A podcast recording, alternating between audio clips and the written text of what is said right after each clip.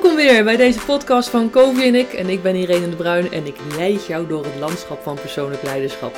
Aan de hand van het boek van Stephen Covey, De Zeven Eigenschappen van Effectief Leiderschap.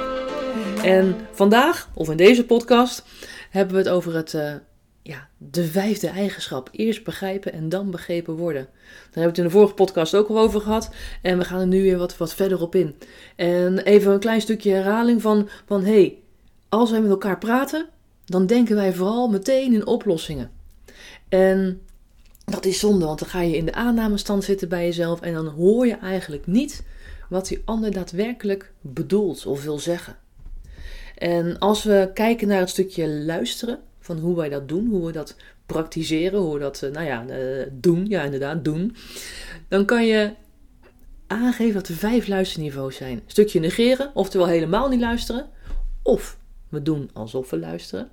Dat kan natuurlijk ook. Uh-huh. Ja, het zal wel. Uh-huh, ja. Maar voor de rest ben je er eigenlijk helemaal niet mee bezig. Denk nog eens een keer dat je vroeger in de klas zat bijvoorbeeld. En dat er weer een of andere docent een heel verhaal aan het afsteken was. En nou ja, je zag een vlindertje buiten. En het regende buiten. En je zag allemaal leuke dingen om je heen gebeuren. Maar luisteren? Nee, maar je deed wel alsof. Derde niveau is selectief luisteren. Alleen maar de dingen eruit pakken die jij opvalt eigenlijk. Als vierde niveau heb je luisteren met aandacht. Dus dat je echt wel wat meer de tijd neemt om naar die persoon te kijken en te horen wat hij zegt. En als vijfde niveau heb je empathisch luisteren. En dan luister je echt met de intentie om de ander te begrijpen. En je probeert je echt te verplaatsen in de ander. En dat je er ook achter komt hoe hij die situatie ziet. Um, en luisteren, dat doe je met, natuurlijk met je oren maar ook zeker met je ogen. Je kijkt naar de persoon en hoe die het zegt en hoe die erbij staat of zit en hoe die zich beweegt eigenlijk, de non-verbale communicatie. En daarnaast ook met je hart.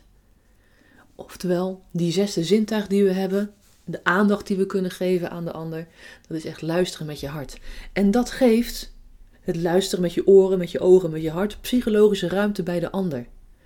En die psychologische ruimte is heel erg fijn en heel krachtig als je denkt aan het feit van, goh, weet je, ik wil mensen helpen en ik wil echt mensen zien en ehm, ik wil weten hoe zij over dingen nadenken.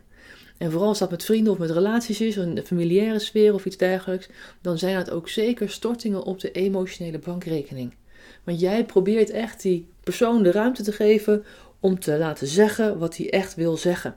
En hoe mooi is dat, dat je gewoon serieus gehoord wordt. Want wij kijken altijd naar een situatie vanuit ons eigen perspectief. Denk nog eens aan een, uh, de laatste detective die je hebt gezien bijvoorbeeld. Uh, ik kijk bijvoorbeeld heel erg graag Miss Marple. Ja, ik weet niet waarom, vind het gewoon leuk. En zij ziet altijd weer andere dingen dan bijvoorbeeld een politieagent ziet. Of de, hoe noem je dat, de rechercheur. Zelfde situatie, maar met verschillende interpretaties. En dat doet zij, Miss Marple bijvoorbeeld, of andere nou ja, leuke heroes in uh, detective-series. Om te kijken met hun ogen, om goed te luisteren met hun oren en ook een stukje hart te volgen. Eerst begrijpen en dan begrepen worden, dat vergt moed. Echt. Want opeens moet je stil gaan staan bij de ander en niet bij jezelf. Maar als je dat doet, dan zegt dat wel wat van jouw persoonlijkheid, jouw betrokkenheid en ook een stuk rationaliteit hoe je die andere persoon kan helpen. En zelf vind ik het eigenlijk altijd weer fijn om daar ook een stukje, ja, nou ja, betrokkenheid, er zit al een stukje emotie in, maar om daar ook nog een stuk emotie of gevoel bij te pakken. En als je persoonlijkheid, betrokkenheid en rationaliteit met elkaar combineert en even in het Grieks vertaalt, dan heb je ethos, pathos en logos.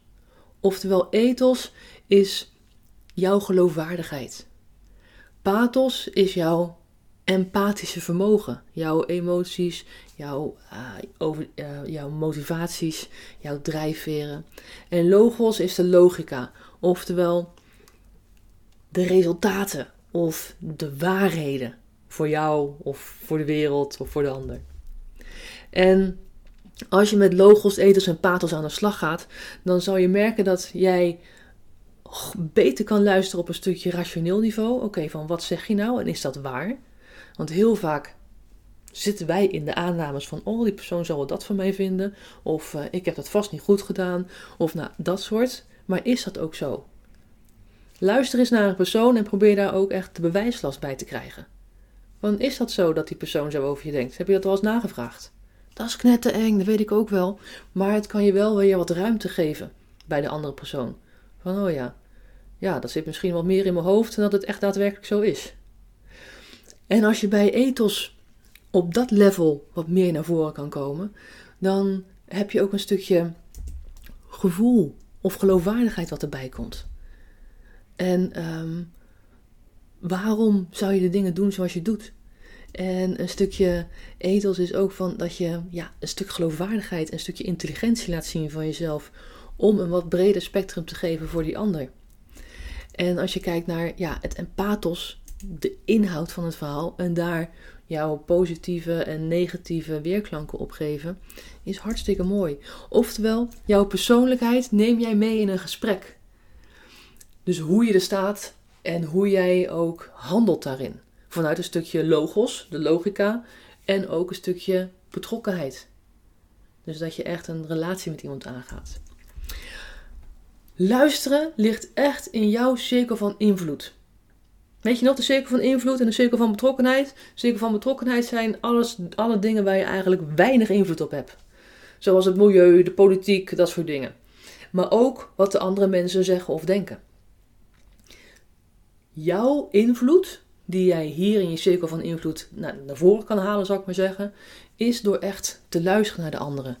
Waardoor je ook jouw invloedssfeer, jouw personal leadership standpunt misschien wel, of jouw, jouw managerrol of jouw nou ja, studiegenootrol kan verhogen. Het ligt in jouw cirkel van invloed om te begrijpen en te begrepen worden. Dus de manier waarop jij luistert en tijd geeft aan de ander, heeft ook zijn weerklank op die ander naar jou toe. En wanneer we elkaar echt begrijpen, begrijpen openen we serieus de poort naar creatieve oplossingen creatieve oplossingen in het feit dat we bezig zijn om elkaar echt te horen en te zien. En misschien ook wel te voelen. Niet op een seksuele kant. En dat kan natuurlijk ook. Maar wel echt dat je op een bepaald niveau zit met elkaar. Dat je elkaars energie goed begrijpt. Waardoor je ook samen tot hele mooie oplossingen kan komen. En dat je elkaar echt kan helpen. Goed. Probeer eens wat vaker te luisteren naar de ander. En uh, ik weet niet of je die oefening al eens gedaan hebt, maar je hebt een feit van, van vins communiceren. Want uh, tijdens discussies of tijdens, uh, nou ja, gewoon het babbelen met elkaar, dan hakken mensen heel erg vaak stevig op elkaars verhaal in.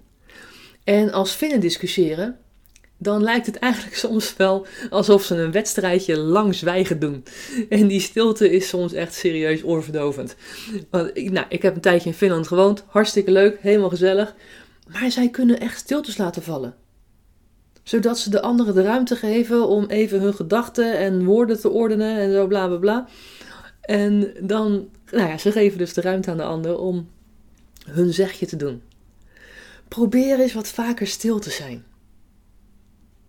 Probeer eens dat. En dat is best lastig. Maar je hoort en ziet en voelt de ander wel beter. Oké? Luister doe je met je oren, met je ogen en met je hart. Lieve mensen, dankjewel voor deze podcast weer. En uh, ik zie je straks, of ik hoor je straks, bij Eigenschap